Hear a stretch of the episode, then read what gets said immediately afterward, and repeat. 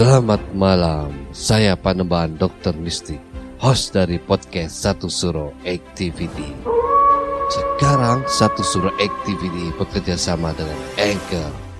Aplikasi ini sangat membantu saya untuk membuat dan publish show saya ini. Perlu kalian ketahui, ternyata membuat podcast itu sangat gampang sekali dan 100% gratis. Anchor tidak hanya mempermudah untuk membuat podcast. Dalam hal distribusi pun aplikasi Anchor memiliki banyak jaringan, di antaranya Spotify, Apple Podcast, dan platform podcast lainnya. Tidak perlu berpikir lama, segera download aplikasi Anchor dan bikin podcast kamu sekarang juga gak pakai lama. Hari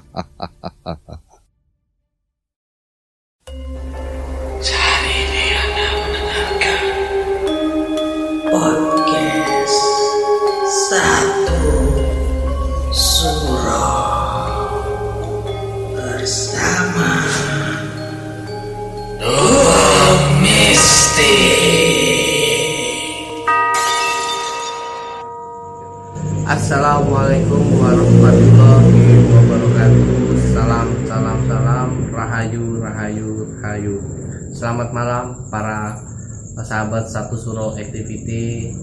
Malam hari ini saya bersama dengan youtuber horor terkenal Cewek namanya Kak Eca Yusia. Yusia. Pada malam hari ini kita spotnya lagi di rumah terbengkalai di Surabaya di daerah Anjas Moro malam hari ini Mbak Eca ingin bercerita mengenai pengalaman mistisnya, pengalaman spiritualnya, masa di waktu kecilnya. Betul. Monggo Mbak Eca, waktu dan tempatnya dipersilakan. Salam monggo eh, salam buka dulu, salam ke teman-teman satu surat Halo. menyapa Malam teman-teman. Satu surau activity. Malam satu activity. activity. Ya. Perkenalkan nama saya Eca. Assalamualaikum sebelumnya. Ya, Assalamualaikum. Aku mau berbagi cerita pengalaman pribadi aku dari kecil sampai udah besar juga sih. Oke. Jadi aku mulai dari awal aku kecil Ya, ya. boleh boleh Kak Eca. Jadi waktu aku umur lima tahun Hmm. itu tuh aku bisa melihat Hmm. makhluk-makhluk yang tak kasat mata. Nah, jadi pada saat itu awal mulanya itu pada saat aku umur lima tahun hmm. jadi pas umur lima tahun itu nggak tahu kenapa setiap azan maghrib Hmm. Itu tuh aku tuh nggak mau di rumah Hmm. jadi kalau misalkan orang tua aku nyuruh masuk ke dalam rumah kan katanya orang tua kan anak kecil nggak boleh nih main di tempat eh, di luar gitu ya, Ya, maghrib. betul. nah kalau aku tuh lebih Yuk lanjut aja Kak. lebih suka main di luar gitu pada saat Ah. maghrib. Nah, aku tuh kalau main keluar itu setelah maghrib biasanya habis main sama temen, aku jadi rumahku tuh Hmm. ada lapangan bola, Hmm. di sana ada perkebunan bambu. Iya. Aku lari ke sana. Hmm. Nah, lari ke sana dan yang di sana tuh yang aku lihat tuh adalah seorang nenek-nenek Hmm. rambutnya panjang, pakai kebaya begitu. Hmm. Terus maaf ya, ini gua dadanya besar Ah. sampai mencintai gitu. Dan yang katanya Ah. kalau sekarang-sekarang itu orang bilang wewe gombel ya. Oh. Jadi aku lihat di sana tuh kayak banyak banget anak-anak kecil seumuran aku Iya. yang sen- senang main di situ. Oh gitu. Nah makanya aku setiap maghrib itu kayak tertarik untuk udah stay di situ. Oh di situ. Hmm. Jadi kalau aku udah ke sana setiap maghrib, itu aku pulangnya besok subuh, ajan subuh. Subuh. Iya. Berarti Kalau- Mbak Eca diajak ke alamnya mereka dong kalau gitu. Iya pada saat itu sih aku merasanya ya aku main di situ. Oh. Gitu. Tapi Ah. kalau untuk orang yang eh, normal, Ah. itu melihat aku ya udah sendirian di situ padahal Oh. nggak nggak ngapa-ngapain hanya diam padahal tapi kalau yang aku rasakan itu aku main Hmm. gitu Hmm. jadi sebelum uh, azan subuh tiba Hmm. itu aku nggak mau pulang Hmm. tunggu sampai azan subuhnya selesai Hmm. baru aku pulang Hmm. dan itu berkelanjutan Hmm. tahun demi tahun seperti itu sampai aku umur 12 tahun Emang sudah tahu. iya Oke teman-teman ini mereka mau coba berinter mau coba untuk berinteraksi menunjukkan kalau mereka itu sedang ada menunjukkan ini. Oke kita lanjut lagi Mbak Cira. Banyak suara-suara Iya banyak suara-suara. Nanti mereka tertarik untuk mendengarkan sepertinya. Iya. Oke nggak apa-apa. Udah tenang aja di situ ya. Jangan macam-macam deh. oke eh lanjut baca Iya, jadi eh, tahun demi tahun itu Ah. berlanjut sama aku. Nah setiap harinya pun aku seperti itu mas. hmm. Jadi kalau aku jalan pas mau ajan maghrib Hmm. Itu biasanya kan aku nggak mau pulang. Hmm. Jadi aku punya tetangga biasanya yang kayak peduli sama keluarga aku gitu Hmm. kan. Coba deh anaknya saya bawa Hmm. jalan-jalan. Hmm. Terus siapa tahu dengan jalan-jalan ini anaknya mau baik terus mau pulang Hmm. gitu. Tapi eh, ternyata sudah diusahain sama sama tetangga aku gitu. Hmm. Ternyata aku tetap nggak mau pulang. kamu Ya, tetap nggak mau pulang. pulang. Ya nggak mau pulang. Di jalan itu malah aku jadi makin brutal. Hmm. Betah di sana emang dikasih mainan apa kayak Eca kayak Eca seperti om betah gitu atau gimana Eca Jadi pada saat aku di pohon bambu itu, Ah. ya aku merasa kayak main sama anak-anak lain, main congklak, main bola Oh, bekel, gitu. gitu. Jadi nggak ada waktu untuk kayak istirahat tidur, nggak ada. nggak ada ya jadi happy ya enak ya main terus ya Gitu kan. oh. Terus ada yang merasa mengayomi Oh. si nenek-nenek itu, oh oke oke ya kan. Eh, terus pas tetangga aku ngajakin aku jalan itu, Hmm. berusaha untuk eh, biar aku lebih baik gitu. Hmm. Ternyata aku makin brutal di jalan. Hmm. karena aku melihat tuh di sepanjang jalan Hmm. setiap aku keluar ke jalan raya itu aku melihat kayak banyak banget makhluk-makhluk yang kayak mukanya hancur Oh, mukanya pokoknya banyak darah segala macam oke itu makin aku nggak mau gitu Hmm. Jadi aku maunya tuh yaudah pulang aku pulang. Tapi nggak pulang ke rumah ke pohon bambu itu. Hmm. gitu. Karena aku merasa nyaman di situ. Aku nggak melihat sosok-sosok yang serem. Aku hanya melihat teman-temanku yang di situ. Dan juga si nenek-nenek itu. Hmm. gitu. Nah tapi aku nggak di eh, maksudnya kita tuh nggak selama aku main nggak makan. Oh enggak enggak didangkan makanan itu enggak minuman Enggak. enggak ya? Jadi aku hanya main aja. Oh itu gitu. Kata kalau katanya sih kalau baby gombel didangkan makanan tuh ya itu makanannya katanya berupa kotoran manusia. Serius Iya, itu menurut orang uh, beberapa orang ini sih yang pernah kejadian sih. Bahwasanya kalau misalnya ada anak kecil di bawah sama bayi gombel itu biasanya anak kecilnya satu pertama dia waktu itu melihat bahwa orang tua itu kurang perhatian sama si anak. Katanya informasinya itu konon katanya seperti itu. Terus anak itu ditelantarkan ya dipedulikan atau disakiti nah itu baby gombel itu bawa anak itu dulu untuk di- dirawat dijaga tetapi makanan yang dihidangkan konon katanya menurut yang saya sendiri juga cerita saya sendiri kan juga eh, peran eh, spiritual Jawa ke Jawa itu ya dari ibu yang saya. Itu konon katanya tuh makanan yang dihidangkan itu kalau anak kecil makan itu kayak kayak roti tapi sebenarnya dihidangkan itu kotoran manusia. Untungnya aku nggak mak. Ya, dan kalau misalnya dihidangkan mie itu kalau orang lihat yang kita udah terbawa hipnotis itu mie sebenarnya itu dimakan cacing. Gitu. Tapi untung mbak mbak Eca nggak dihidangkan makanan itu ya? Enggak enggak. Hanya main. Hanya main aja ya? Oke gitu. Oke. nah terus setelah aku umur 12 tahun Mm-mm. akhirnya dicoba sama tante aku sama keluarga besar lah ya untuk dibawa ke psikiater. Mm-mm. Ternyata kata psikiater ini aku tuh nggak ada kelainan jiwa atau apa Mm-mm. nah akhirnya setelah berusaha ke psikiater akhirnya aku dibawa nih ke orang pinter Mm. yang kita sebut paranormal ya Paranormal ya oke gitu akhirnya aku di situ kayak yang dimandikan Hmm. terus dibaca-bacain apa lah ngerti Hmm. aku ya dan punggungku tuh kayak ditulis-tulis kayak tulisan Jawa tapi kayak nggak ngerti juga sih aku sih Hmm. pokoknya coretan gitu yang pakai tinta merah atau apa nah setelah itu aku nggak bisa melihat tuh Mm. nah aku pikir dengan ditutup aku bakal nggak bisa melihat lagi nggak bisa berkomunikasi lagi sama Hmm. amal kasral Mm. tapi mm, ternyata bisa gitu Masih Setelah- bisa ya? masih bisa ternyata itu kejadian sama aku pas aku umur eh, ya mau menjelang 20 tahun lah Mm. jadi pada saat itu aku mau ngelamar kerja Mm. akhirnya aku kumpul ke rumah teman yang mau sama-sama interview Iya. nginep di situ pada saat aku datang ke sana itu pas menjelang maghrib juga. Mm. jadi pas aku datang jam 5 jam 6 disuguhin makan tiba-tiba leherku kayak kecekek. Uh. gitu. Kayak kecekek gak bisa makan Ah. mau muntah juga nggak bisa. Jadi kayak kesenggak makanan di sini. Itu tapi bukan keselak. Nggak keselak ya? Bukan kayak ada iya ada ya kerasa gitu gitu ya? kerasa kok kok kayak mau muntah Ah. tapi nggak bisa. Dan pada saat itu akhirnya aku nggak sadarkan diri tuh mas. Hmm. habis ajan maghrib Oh, bisa maghrib. habis ajan maghrib aku nggak sadarkan diri sampai pada akhirnya pada ya pada saat itu ada teman-teman aku lain kan Hmm. di situ nah aku nggak sadarkan diri temanku ini ada yang nge-record Rekam ya. nah ngerekam itu biar aku tuh tahu apa yang terjadi sama diri aku Hmm. pada saat itu aku kesurupan sih ternyata Hmm. dan akhirnya dipanggil sama paranormal nih Iya. awalnya satu paranormalnya ternyata nggak bisa keluar Oh, berlanjutlah itu ke paranormal satu dua Ah. tiga sampai lima orang wow. nah Ilmunya kalah paranormalnya sama jinnya. Gak ngerti juga deh. Pada saat itu aku nggak sadarkan diri pokoknya.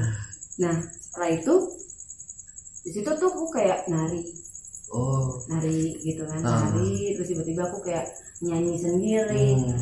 Tiba-tiba nanti berubah lagi menjadi kayak brutal ngamuk nggak karuan. Terus nangis gitu kan kayak hmm, kayak gitu Oh. tiba-tiba. Dan akhirnya pada saat itu jam 12 malam baru mau keluar. Jinnya tadi ya. Iya, akhirnya mau keluar jam 12 malam dan ternyata kata si paranormal ini, Ah. aku tuh kerasukan empat jin.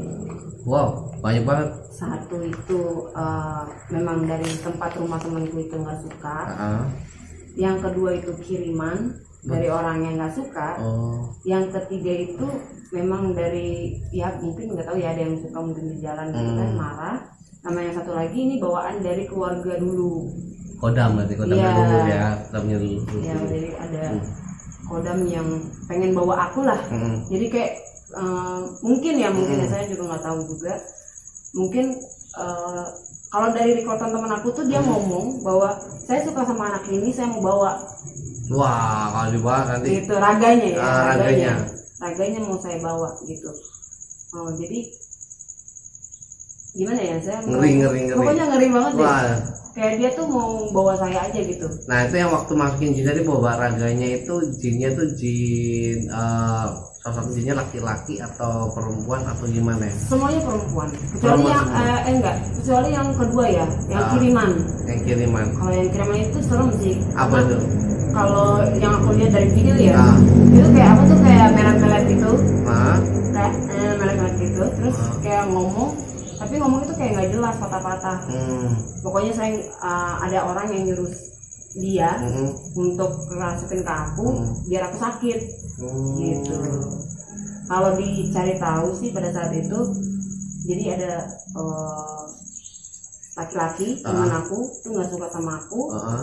Kayak aku mau dibuat sakit terus meninggal Wah, jahat banget ya. gitu Hmm. tapi untungnya karena mungkin imanku kuat Ya, jadinya hanya ter- apa ya dibentengin sama badan sama badan ya. iya nggak sampai aku Nggak sampai sakit sakit. Iya. Ya, alhamdulillah. Alhamdulillah gitu ya. Alhamdulillah masih diberi pertolongan lah sama Iya. Tuhan ya, sama Allah ya. Gitu. nah setelah itu setelah kejadian kesurupan itu akhirnya ditutup kembali Hmm.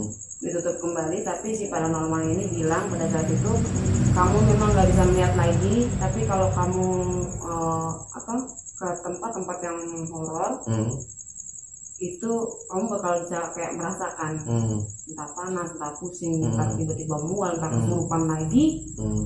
itu kamu masih bisa tapi kecil kemungkinan kalau kamu bakal kesurupan tapi merasakan pasti ada Oh. gitu nah makanya itu aku jadi ghoster nih sekarang Oh, gitu gitu. ceritanya Jadi penasaran ya. Iya, jadi aku penasaran pada saat itu. Oh iya, aku dulu pernah ingat nih ada seseorang yang bilang katanya aku nggak bisa ngeliat lagi, aku Hmm. hanya bisa merasakan. Coba ah aku ke explore gitu. Hmm. Makanya aku coba-coba tuh. Ternyata benar, aku hanya bisa uh, merasakan gitu, nggak Hmm. lihat sih, cuma sekelebat-sekelebat aja. Lebar-lebar aja ya. Iya kayak gitu. Hmm. Tapi sih biasanya nanti nggak tahu ya mungkin di umur berapa nanti biasanya eh, bisa di laki-laki bisa ngeliat lagi sih mbak. Kayak Aduh gitu. jangan deh. Kayak gitu sih. Aku takut soalnya bukan takut sih ya mungkin kalau dulu bisa ngeliat Ah. terus ditutup eh, karena udah lama mungkin ya. Ah. Jadi kalau misalkan nanti dilatih lagi untuk ngebuka, kayaknya mungkin akan takut gitu. Hmm. Makanya aku lebih baik ya udah apa adanya aja sekarang gitu. Tapi gak usah dilatih sih biasanya nanti lama mau sih nongol sendiri sih seperti itu biasanya karena eh, karena ya udah ada, bawaan dari keturunan ya dari kodamnya lu sendiri juga.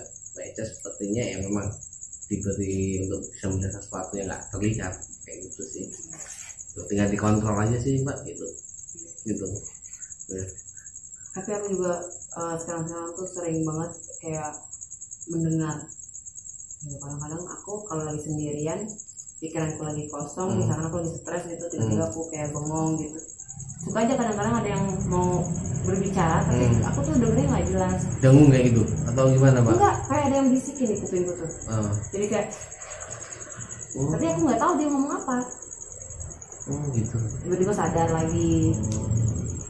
Kadang-kadang kalau aku lagi diam kayak gini biasanya aku sering gini. Hmm. nah itu biasanya ada yang ngebisikin yang tuh. sesuatu. Nah, ada yang bisikin sesuatu. Biasanya aku suka gitu. Oh. jadi kayak badan kesetrum gitu lah Hmm.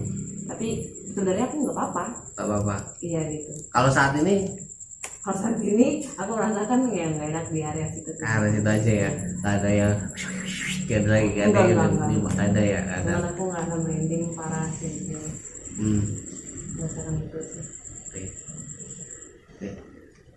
Ada lagi ceritanya Ica yang ini eh, apa hanya itu aja yang mau sebenarnya disampaikan? saya punya pengalaman sama temen sih tapi nanti teman aja lah yang cerita oke ya kan baca gede oke. nanti bosan lagi Ah, nih Ceritanya wah benar-benar menge- mengerikan ceritanya Mbak Eca pengalamannya dia yang di awal dia punya kemampuan bisa melihat sesuatu yang tak kasat mata akhirnya di, sama Mbak Eca dikunci agar bisa tidak melihat hal seperti itu lagi pengalamannya dia waktu kecil wah sangat-sangat menyeramkan ya diajak main sama Wewe Gombel wah keren bener-bener.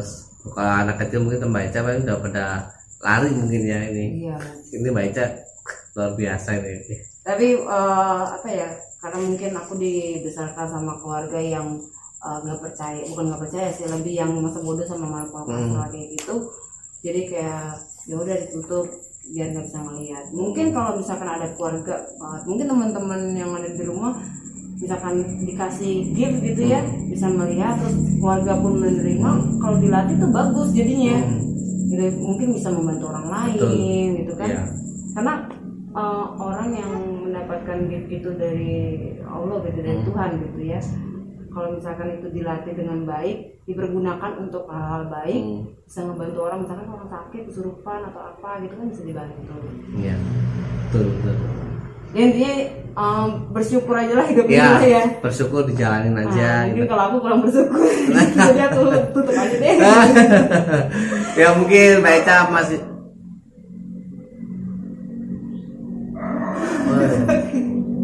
itu ada suara si Heli. Guguk nah, oke. Eh, oke terima kasih Mbak Eca. Cerita mistisnya cerita pengalaman di mistis horornya di satu surah activity. Makasih banget. Ceritanya sangat-sangat mengerikan bikin merinding. Ini di segmen kita boring ya obrolan obrolan merinding ini. Cocok banget ini. Oke terima kasih sahabat satu suruh activity Eh, saya kira cukup sampai di sini dulu. Terima kasih sudah mendengarkan podcast satu suruh activity. Ini segmen boring obrolan obrolan merinding. Oke Kalau sahabat satu surat activity tetaplah. Iling lan waspodo Assalamualaikum warahmatullahi wabarakatuh Salam salam salam Rahayu rahayu rahayu Bye. Bye Para pendengar satu suro activity, tetaplah iling lan waspodo. Assalamualaikum warahmatullahi wabarakatuh. Salam, salam, salam. Rahayu, rahayu, rahayu.